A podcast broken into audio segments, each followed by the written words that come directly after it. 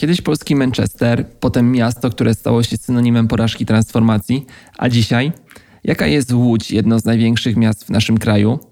Nazywam się Jakub Kucharczuk i w najnowszym odcinku naszej audycji Międzymiastowo zabieram Was w podróż do Łodzi. O mieście Włókniarek porozmawiam z Kosmą Nykielem, urbanistą oraz łódzkim działaczem społecznym, którego możecie pamiętać z poprzednich audycji, gdy rozmawialiśmy o brytyjskim systemie budowania tanich mieszkań.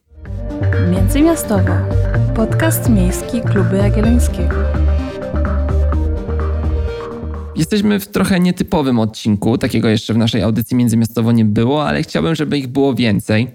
E, porozmawiamy nie tak jak to mieliśmy w zwyczaju do tej pory o miastach z perspektywy systemowej, z perspektywy ogólnokrajowej i problemach miast, ale porozmawiamy dzisiaj o konkretnym mieście ale zanim do tego przejdziemy, takiej poważnej rozmowy, to kilka takich pytań rozbiegowych chciałbym Ci zadać, które może ustawią naszą dyskusję, może trochę nakreślą, jak Ty patrzysz na to miasto. Liczę również na Twoje krótkie odpowiedzi, które wprowadzą naszych słuchaczy czy w klimat naszej rozmowy, ale też w klimat miasta Łodzi. Jaki jest Twoim zdaniem największy mit o Łodzi, który zakorzenił się w świadomości Polaków? Właśnie jeśli chodzi o to zakorzenienie Łodzi w świadomości Polaków, to jest chyba największy problem jest taki, że Łódź nigdy na dobre się nie zakorzeniła w tej świadomości.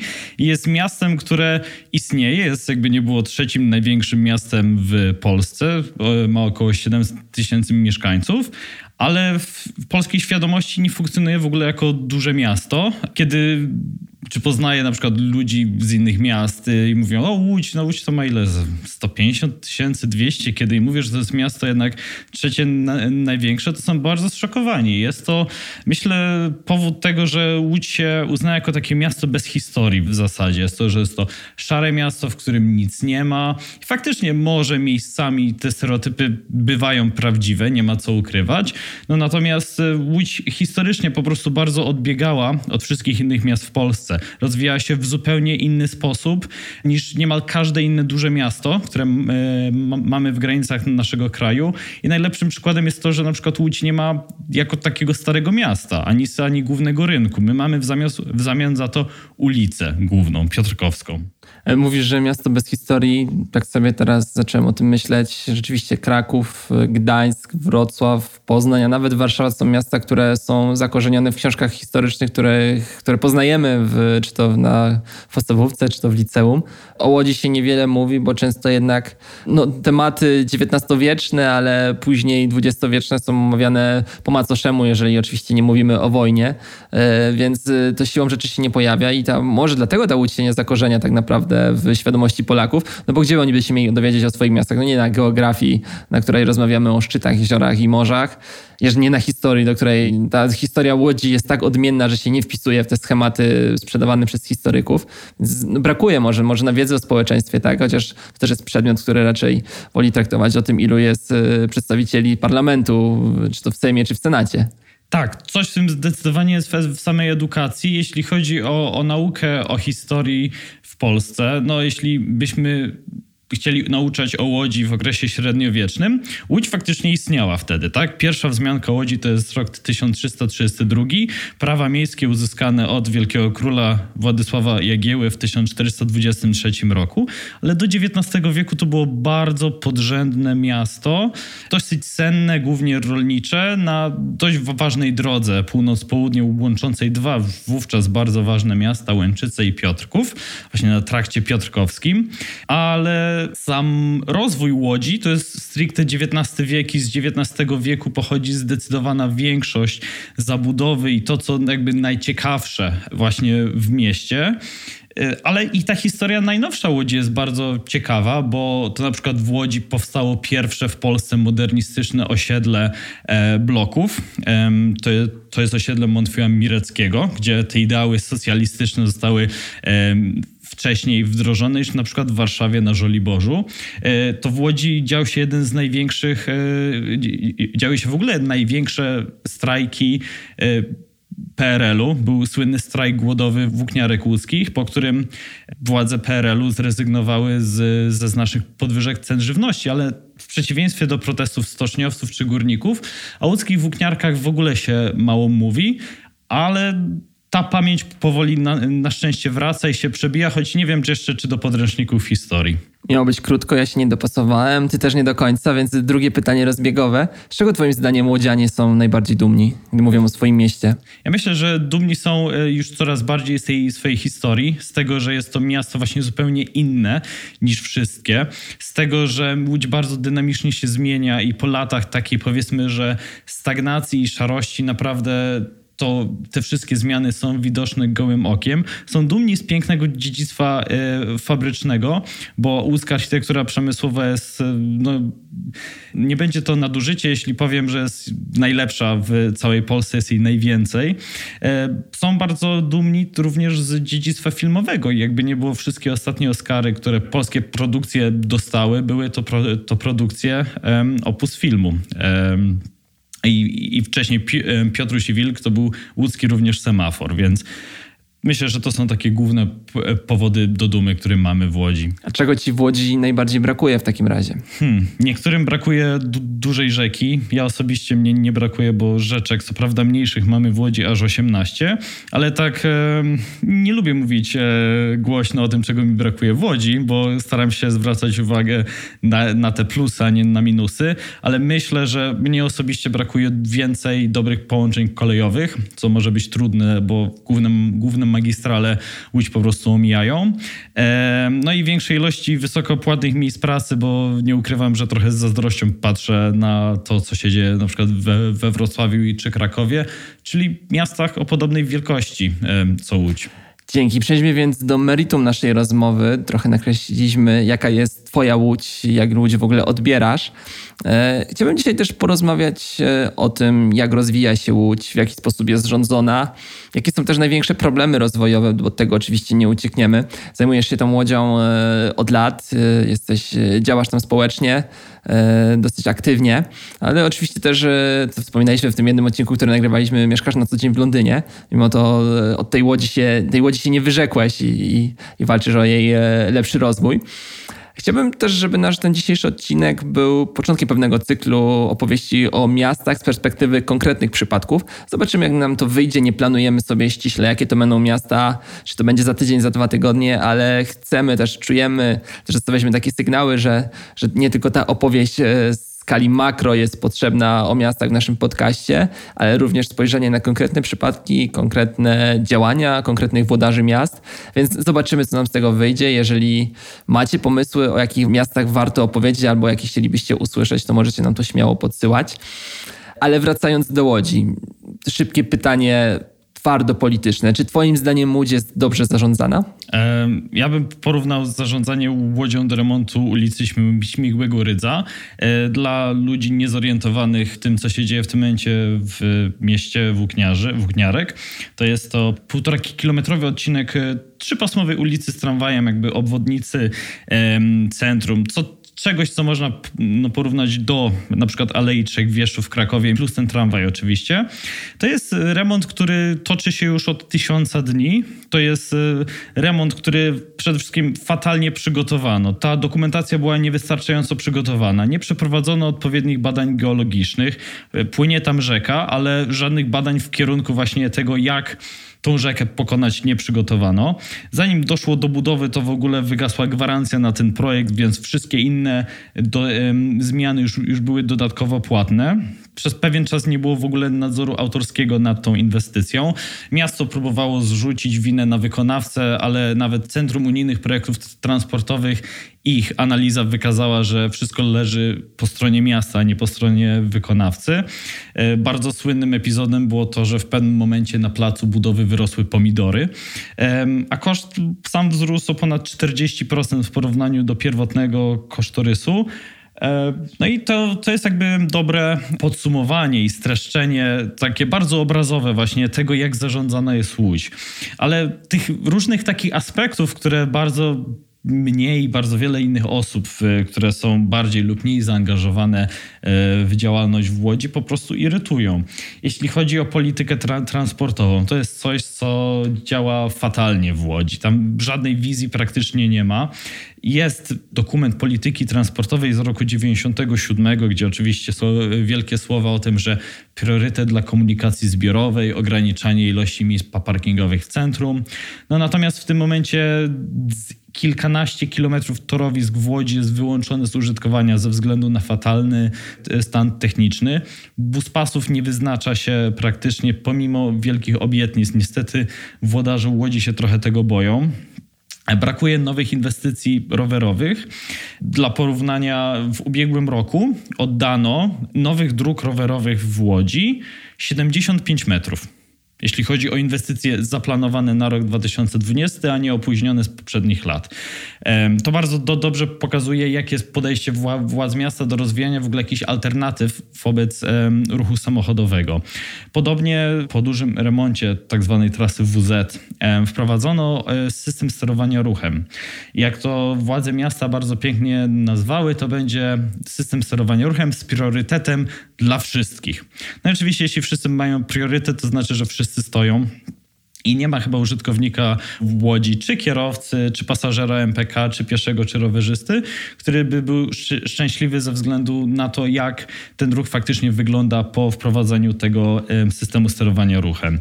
E, w Łodzi generalnie wszystko robi się pod PR i pod propagandę. To jest a niekoniecznie pod realne efekty. Nawet widać w przypadku konsultacji społecznych, które często nie są organizowane przez wydział, który faktycznie się zajmuje partycypacją społeczną, czyli Biuro Aktywności Miejskiej, tylko organizatorem jest Biuro Promocji.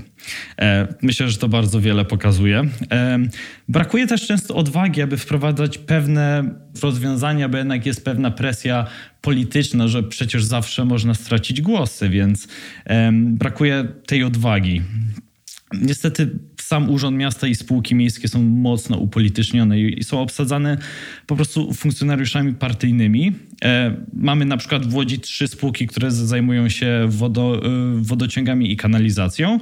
Mamy ZWIK, który dostarcza wodę i odprowadza ścieki. Mamy grupową oczyszczalnię ścieków, które, która przetwarza te ścieki. I mamy łódzką spółkę infrastrukturalną, która jest właścicielem całej sieci rurociągów. No to są trzy spółki, trzy zarządy, trzy rady nadzorcze, a tam na przykład w grupowej oczyszczalni ścieków jeden z um, radnych dostał pracę jako wicedyrektor do spraw marketingu oczyszczalni ścieków. Myślę, że wielu naszych słuchaczy w tym momencie czuje się, abyś opowiadał właśnie dokładnie o ich mieście, mimo że nie są z Łodzi. Ale w takim razie muszę cię zapytać, jak to się dzieje? Skąd się bierze tak wysokie poparcie dla działań obecnych ludzi rządzącymi Łodzią, dla pani prezydent Zdanowskiej? Bo z tego co kojarzę, jest to, no jest kilka takich miast w Polsce, gdzie ci prezydenci cieszą się wysokim poparciem, ale Łódź jest takim przykładem, gdzie, to poparcie jest stateczne dosyć od wielu lat. Pani prezydent chyba nawet ostatni raz wygrała w pierwszej turze, prawda? E, więc jak to, skąd to się bierze?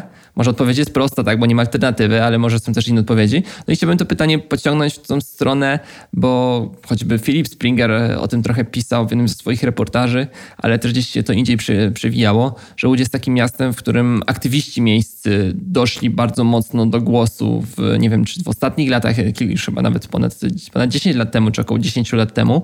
E, jak to wpłynęło na to miasto? Czy rzeczywiście E, to dorwanie się, no dorwanie, może to jest złe słowo, ale to dojście do władzy, do jakiejś części władzy wpłynęło pozytywnie na miasto, czy zderzyli się z murem politycznego oporu? Myślę, że jeśli chodzi o wysokie poparcie dla prezydent Zdanowskiej, jest ono umotywowane pierwsze tym, że nie ma alternatywy praktycznie, bo y, wiadomo, że Prawo i Sprawiedliwość w miastach po prostu nie ma szans, a jakby koalicja SLD Nowoczesnej i Platformy, y, przynajmniej dla tych, trzech, dla tych trzech partii, bardzo dobrze funkcjonuje, więc tak de facto nie ma alternatywy. Może w tym momencie, prawda, y, z nową siłą polityczną na polskiej scenie politycznej coś się zmieni. Druga rzecz to to, że cały czas y, jest porównywana do poprzedniego prezydenta Łodzi, pana Jerzego Kropiwnickiego, którego prezydentura, ja nie, nie chcę tutaj oceniać, to było również przed moimi czasami w, w, zasadzie, bo skończyła się w roku 2010 bardzo niesławnym referendum, gdzie pan Kropiwnicki został właśnie odwołany. Ale wielu ludzi narzekało, że wtedy w Łodzi się nic nie dzieje. Czy działo się, czy nie działo, nie mnie tutaj oceniać. Natomiast w Łodzi w tym momencie faktycznie widać, że się dzieje, że cały czas się buduje, cały czas coś się zmienia. No i jakby nie było, to też widać w samorządach, tak w całej Polsce, że ci prezydenci to już raczej zostają, bo cały czas właśnie się coś dzieje i na stopniu samorządowym to łatwiej zauważyć, bo są drobne rzeczy, remont ulicy, nowe drzewa, bardzo wiele rzeczy. A jeśli patrzy się na jakby interwencje sfery centralnej, to już są rzeczy, które są bardziej abstrakcyjne, których nie widać od tak. Jeśli chodzi o aktywistów łódzkich, to faktycznie pierwsza kadencja prezydent Zdanowskiej pod tym względem była bardzo owocna. Wtedy to był czas, kiedy bardzo słuchano różnej maści aktywistów i działaczy. E, to był również jeden z zarzutów do prezydenta Kropiwnickiego, że absolutnie nie liczy się ze zdaniem strony społecznej. To wtedy właśnie za jego kadencji powstał taki pierwszy łódzki, można powiedzieć, ruch miejski. Była to grupa pewnych osób. E, nie wiem, czy to w ogóle nie był jeden z pierwszych ruchów miejskich w Polsce, z tego co, co pamiętam.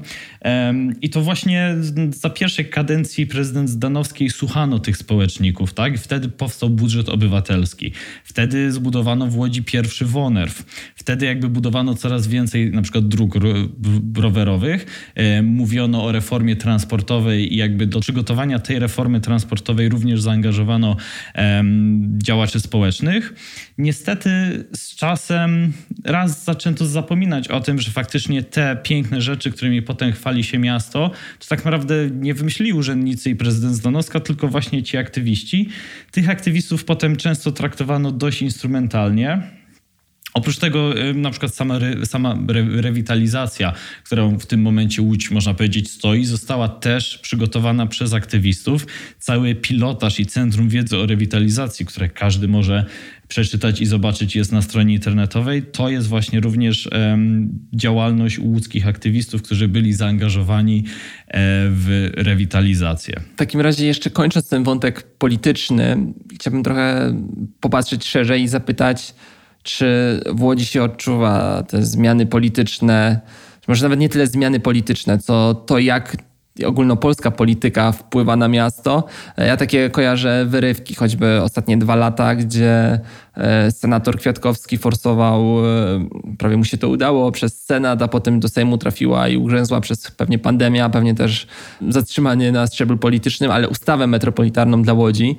E, był też temat Expo w Łodzi, wystawy światowej, która z tego co pamiętam Łódź przegrała jakby kandydaturę, czy kandydatura została wycofana koniec końców, ale tam było chyba bez szans na, na zwycięstwo.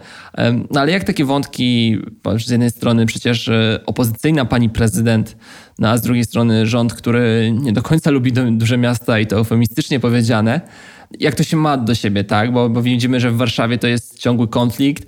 W Krakowie poszczególni politycy PiSu próbują i całkiem nieźle im to idzie dogadywać się z prezydentem Majchrowskim, który poczuł, że jak z Platformą mu się nie udało dogadywać, mimo że prawie byli z tego samego obozu, no to może mu się będzie z PiSem udało dogadywać i stąd jakieś igrzyska europejskie, czy robienie dużych inwestycji drogowych. No, a jak to w Łodzi wygląda? Łódź generalnie chyba nie miała szczęścia do władz centralnych nigdy. Zawsze Łódź była traktowana trochę po, po macoszemu, była traktowana po prostu gorzej. Kiedy na, nawet budowano blokowiska w PRL-u, to w Łodzi budowano te niższej jakości i dopiero ówczesna jakby szefowa zarządu miasta musiała interweniować i po po jej interwencji faktycznie się udało to, by te osiedla mieszkaniowe były budowane po prostu w lepszym standardzie. Ale właśnie ten nawet potem jakby zawsze Łódź miała całkiem wielu posłów ze względu po prostu na wielkość miasta i okręgów wyborczego. No natomiast oni bardzo rzadko się angażowali, tak jeśli mówiąc przekrojowo, po prostu w sprawy tego miasta, ale byli też, były też od tego bardzo chwalebne wyjątki. I tutaj myślę, że w Łodzi szczególnie scenionym jest dawny minister Cezary Grabarczyk, który jeśli chodzi o strony infrastrukturalnej i transportowej, myślę, dla Łodzi się bardzo zasłużył. Zmieniono dzięki jego interwencjom, na przykład zmieniono przebieg drogi S8, która miała biec przez Bełchatów. Ona w tym momencie biegnie, prawda, przy Łodzi. Również też bardzo lobbował za, za powstaniem y, kolei dużych prędkości, tego słynnego Y. między Warszawą, Wrocławiem i Poznaniem przez Łódź. Potem właśnie, kiedy zmienił się skład rządu po jednej z afer w, y, za czasów właśnie premiera Tuska, ministrem infrastruktury został Sławomir Nowak, który kompletnie zakopał projekt Y i te pieniądze, jakby cały wysiłek przełożył na linię kolejową Warszawa-Gdańsk, prawda? Priorytetyzując swoje również miasto. Jeśli chodzi o to, co się dzieje teraz, wiadomo, że Łódź cierpi na różnych decyzjach rządu, czy jeśli chodzi o niższą subwencję edukacyjną, czy obniżkę PIT dla młodych, to uderzyło Łódź, to uderzało również inne miasta. Bywają, ta współpraca często jest dość cierpka, natomiast e, myślę, że czy w sferze kultury nie jest wcale tak źle, bo jednak za czasów ministra Glińskiego, który jakby nie został wybrany z Łodzi właśnie, mimo że z Łodzi się nie wywodzi, Wiele instytucji kultury zostało, jak, podpisało kontrakty na współprowadzenie przez y, Ministerstwo Kultury i Dziedzictwa Narodowego, co przede wszystkim wiąże się z dodatkowymi pieniędzmi dla tych instytucji. Jedną chyba z, właśnie z najważniejszych przykładów był Teatr Wielki w Łodzi. To jest druga największa scena teatralna w całym kraju, która nie była wcześniej współfinansowana przez ministerstwo, a teraz już jest. Całkiem dobrze, myślę, układa się współpraca miasta z PKP i Ministerstwem Infrastruktury, jeśli chodzi o na przykład budowę tunelu średnicowego, który w tym momencie powstaje. Jest to dość ważna budowa dla, dla łuskiego węzła infrastrukturalnego, chociaż propagandowo każda strona przypisuje sobie 100% zasług. Miasto mówi to my budujemy tunel, ministerstwo również mówi to my budujemy tunel. Tak naprawdę prawda leży gdzieś tu po środku. Zostawiamy wątki polityczne na razie. E, Łódź niewątpliwie jest miastem z problemami, z problemami zdefiniowanymi i tymi mniej zdefiniowanymi. E, w ostatnich latach na pewno w kontekście Łodzi wiele się mówiło, mm, wspominając o rewitalizacji tego miasta. Liczba projektów rewitalizacyjnych e, w mieście, tych większych i tych mniejszych, prawdopodobnie jest nieporównywalna z żadnym innym miastem w Polsce. Oczywiście problemów i wyzwań jest więcej niż w innych miastach w Polsce, no ale tu muszę zapytać, czy za tymi liczbami, za tymi projektami rewitalizacyjnymi rzeczywiście poszła jakość i czy widać te zmiany nie tylko estetyczne, ale może też i głębsze, bo przecież rewitalizacja to nie tylko pudrowanie fasad. Tak, y, myślę, że przede wszystkim zmienia się wizerunek samego centrum Łodzi. Jakość na przykład samych ulic y, znacznie wzrasta, również dzięki temu, że wprowadza się tam dużo zieleni. Często na przykład sadzi się bardzo du duże drzewa, co jest jakby również zasługą aktywistów i działaczy, którzy bardzo, bardzo wyraźnie akcentowali, że w mieście potrzebne są duże drzewa, a nie klony kuliste, które prawda nie mają zbyt wielu korzyści dla ekosystemu. To jest zdecydowany plus. Y, plusem również są po prostu y, remonty kamienic, bo z jednej strony jest to estetyzacja ulic, a z drugiej strony jednak poprawa warunków y, zasobu mieszkaniowego Łodzi, a trzeba pamiętać, że Łódź ma bodajże największy zasób mieszkaniowy komunalny w całej Polsce, który jest tym dziedzictwem właśnie kamienic i nacjonalizacji dawnego mienia, prawda, po-niemieckiego i, i po-żydowskiego, gdzie ci spadkobiercy po prostu się nie znaleźli i to przepadło na rzecz państwa, a potem gminy. I ta rewitalizacja myślę, że w ogóle jest to plus, natomiast jeśli znowu wgłębimy się w szczegóły, jak to nawet powiedział jeden z bardzo wysoko e, postawionych urzędników łódzkich, kiedy rewitalizacja była przygotowywana, że chodzi o to, aby te pieniądze wydać i nie myśleć jak zrobić, ale by robić, by się po prostu cały czas działo. Nie chodzi o to, żeby kończyć. No i właśnie te niektóre projekty, jeśli się głębiej spojrzy, to one są bardzo niefunkcjonalne i są można by to po prostu było zrobić lepiej. I są rozwiązania, które są Fajnie, że na przykład stawia się te ławki, daje się nową nawierzchnię, sadzi się jakieś te drzewa, ale można by to było robić w pewnym sensie trochę ciekawiej, z trochę większą taką um, inwencją twórczą, a często niestety przestrzenie publiczne w Łodzi wyglądają po prostu jak wyjęte z katalogu i, i jakby złożone z pucli, które są gdzieś e, wykorzystane wielokrotnie. I to sprawia trochę wrażenie monotonii, nie ukrywam. Często są też no niestety niefunkcjonalne. W projektowaniu ulic w, Łodzi w centrum zapomniano kompletnie o rowerzystach. I niestety infrastruktura bardzo często jest ro, rowerzystom wręcz wroga. Niektóre remonty są też nie do końca przemyślane. Jeśli chodzi o ulicę z uspokojonym ruchem, rzekomo uspokojonym ruchem, dano bardzo szeroką jezdnię, bardzo wąski chodnik i nazwano to i zasadzono drzewa i nazwano tą ulicę Wonerfem, mówiąc, że no proszę, tu piesi nie muszą mieć szerokiego chodnika, bo mogą iść środkiem. No jednak kiedy te samochody pędzą tam 60 km na godzinę i nie ma żadnej formy uspokojenia ruchu, czy to esowania ulicy, czy jakichś poduszek berlińskich i tak dalej, nazywanie takiej ulicy strefą zamieszkania jest mocno na wyrost. No i również e, jeden z największych minusów tego, co się dzieje inaczej kiedy same re remonty faktycznie po ukończeniu są, jakby mają zdecydowanie pozytywny efekt, przynajmniej jeśli na to spojrzymy powierzchownie, a czasami nawet też e, w innych aspektach, to jednak trwają one bardzo długo. To, co wspominałem o remoncie Śmigłego Rydza, to nie jest odosobniony przypadek. To jest również na przykład bardzo słynny remont ulicy Nawrot w Łodzi w ramach rewitalizacji obszarowej, gdzie niestety sporo biznesów po prostu poupadało, bo kiedy ulica jest rozkopana przez dwa lata i piesi nie bardzo mają jak tam dojść, nie mówię prawda o, o różnych innych środkach tra transportu, to te biznesy po prostu tam cierpią. I myślę, bardzo wiele osób mogło na różnych stronach z memami znaleźć takie zdjęcie pewnej pani, która e, w kałuży kąpie się w takim nadmuchanym flamingu. To była właścicielka jednej z restauracji, która e, nie radziła sobie z tym faktem, że ten remont się przedłużał po prostu niemiłosiernie i chciała jakoś zwrócić w dość komiczny sposób uwagę na swoją tragiczną sytuację. No i ten różowy flaming w kałuży na ulicy Nawrot w tym wykopie zrobił furorę w całej Polsce i chyba wtedy cała Polska usłyszała właśnie o tym konkretnym przypadku przypadku, ale takich przypadków jest niestety więcej, więc niestety te biznesy, które są bardzo cenne dla centrum Łodzi, przez źle przeprowadzone remonty po prostu upadają. I to jest jeden z niestety minusów tego, jak ta rewitalizacja w tym momencie jest przeprowadzana. Gdy patrzysz na to upiększanie Łodzi, to o którym rozmawialiśmy przed chwilą, e, to widzisz, że ci włodarze miasta, ale w ogóle samo miasto, tak, jako, jako organizm ma jakiś pomysł na siebie, jak ma ta Łódź wyglądać, w jakim kierunku ma się rozwijać. Bo gdy patrzymy na inne polskie miasta, no w przypadku Krakowa można to wskazać. E, na przykład te ostatnie lata to był bardzo silny do czasu pandemii rozwój turystyki, ale też e, centra usług wspólnych to były dwa takie motory, które może się działy trochę obok tego, co robili włodarze miasta, ale jednak to było wskazywane, że to jest celem, że tego chcemy rozwijać, to chcemy wspierać. Na to się przekładało. Warszawa jest trochę innym przypadkiem, ale również ma jakby zdefiniowaną ścieżkę rozwoju. Wydaje się, że podobnie Wrocław, Gdańsk, pewnie nawet Poznań.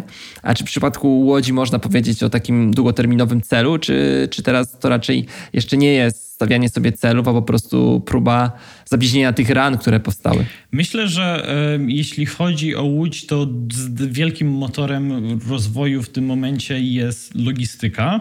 Jednak nie da się ukryć, że skrzyżowanie autostrady A1, A2, S8 plus jeszcze olbrzymi terminal przeładunkowy na Olechowie, który obsługuje pociągi cargo z Chin, no to jest kombo, które jest fantastyczne i wokół Łodzi powstało bardzo wiele centrów logistycznych, które zapewniają pracę dla bardzo wielu osób i w dużej mierze myślę, że przyczyniły się do znacznego obniżenia bezrobocia w Łodzi, bo w tym momencie jesteśmy gdzieś na poziomie tych 5%, co w porównaniu do roku bodajże 2002, kiedy to bezrobocie wynosiło zdecydowanie ponad 20%. Jest to duża poprawa, więc w tym momencie zbliżamy się do średniej krajowej, a nie, a nie ją zawyżamy. I to jest duży plus, natomiast minusem jest to, że w dużej mierze większość pracy, większość stanowisk w logistyce jest niestety słabo płatna i jeśli chcemy konkurować w Łodzi z miastami, no nie mówię już po prostu o, o Wrocławiu, Poznaniu, Krakowie y, czy Gdańsku, to musimy raczej jednak przyciągać e, te najlepiej płatne miejsca pracy, wysoko wyspecjalizowane. Jest całkiem dobrze rozwinięty przemysł biotechnologiczny w Łodzi. Mamy cały czas włókiennictwo również takie trochę bardziej zaawansowane. Jest przemysł farmaceutyczny, ale cały czas brakuje tych startupów, brakuje wysokich technologii, które jednak w tym momencie decydują o to, w której lidze gra, gra dane miasto.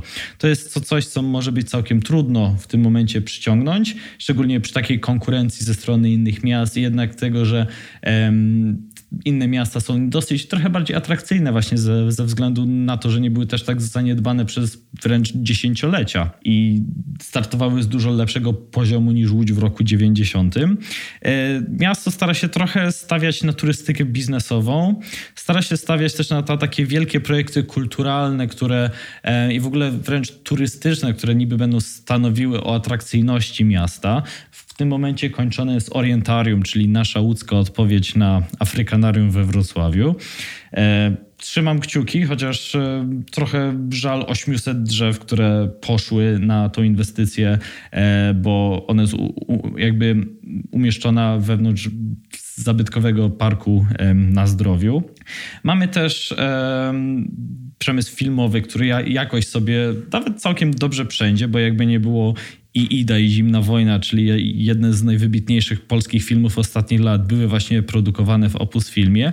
I Opus Film jest bardzo prężnym y, studiem filmowym w Polsce i na świecie całkiem uznawanym. Mamy naszą szkołę filmową, co dodatkowo pomaga.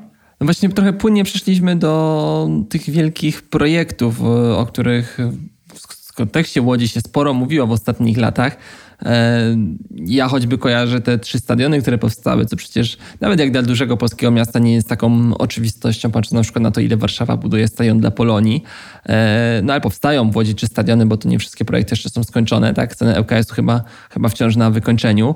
E, powstało EC1, powstała Łódź Fabryczna na początku trochę pogardliwie na nią e, spoglądano, wspominając e, te pustki, które, które tam są wszechobecne, ale powstaje też e, tunel, tak, średnicowy pod miastem, który ma zmienić obraz transportu w mieście. A czy twoim zdaniem to były te duże projekty, pewnie każdy jest trochę inny, każdy ma inny wpływ na miasto, ale czy to były raczej impulsy rozwojowe, czy bardziej niepotrzebne koszty, jak wiele w różnych polskich miastach napędzanych w ostatnich dekadach pieniędzmi unijnymi? E, osobiście uważam, że taką najważniejszą, du dużą inwestycją, która powstała w Łodzi, no może trudno powiedzieć, że w ostatnich latach, ale w ciągu ostatnich 21 lat, to jest Atlas Arena. To ona została ukończona bodajże w roku 2007 czy 2008, już w tym nie pamiętam.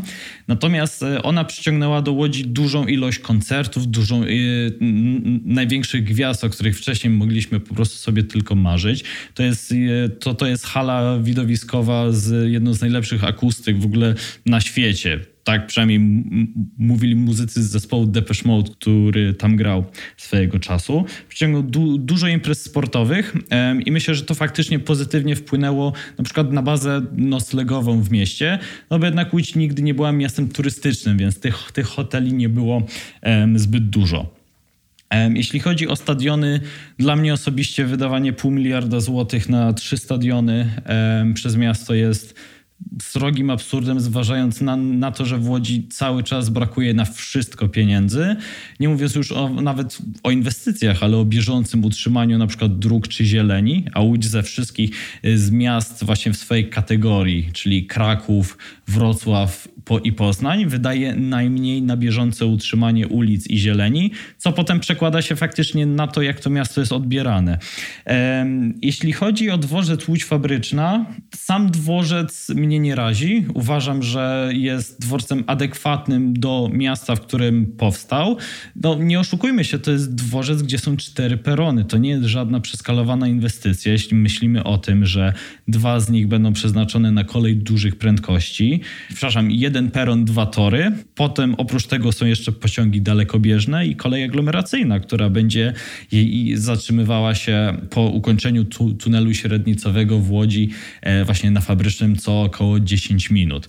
Więc to, jeśli to nie jest przeskalowany dworzec, znacznie przeskalowany jest układ drogowy wokół niego, który, no, który jest po prostu zbrodnią na, na mieście i właśnie projekt nowego centrum Łodzi, który miał spajać te tereny, które były przecięte linią kolejową przez 150 lat, praktycznie znowu je rozdzielił, tylko olbrzymią masą betonu, która tam będzie stała przez najbliższe ileś lat, która będzie generowała olbrzymie koszty utrzymania która jest po prostu też nieprzyjazną dla człowieka przestrzenią. Jest to fragment tej, tej całej inwestycji, która zdecydowanie jest przeskalowana i, mo, i mogła raz kosztować mniej, jakby część drogowa już była e, pokrywana z budżetu miasta oraz również częściowo ze środków unijnych.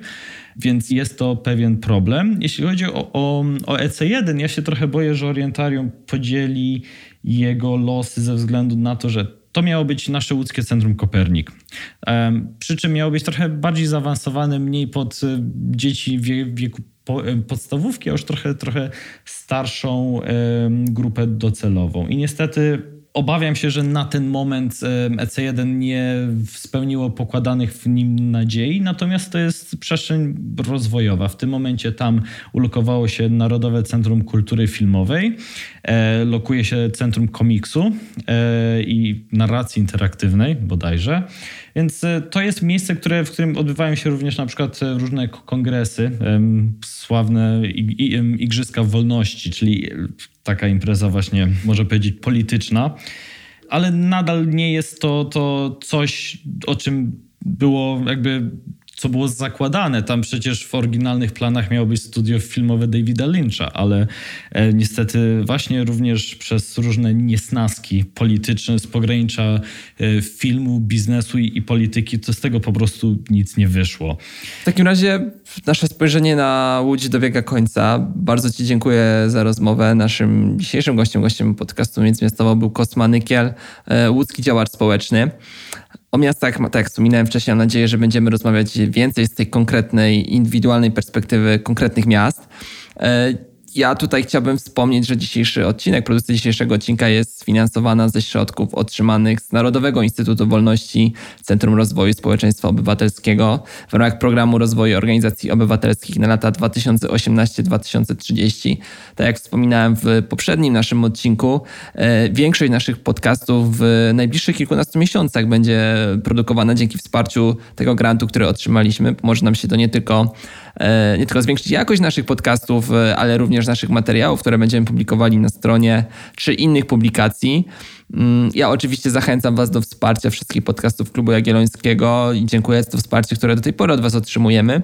A oczywiście zachęcam również do udostępniania naszych odcinków nie tylko mieszkańców Łodzi, ale wszystkich zainteresowanych rozwojem polskich miast. No i oczywiście do subskrybowania. Do usłyszenia.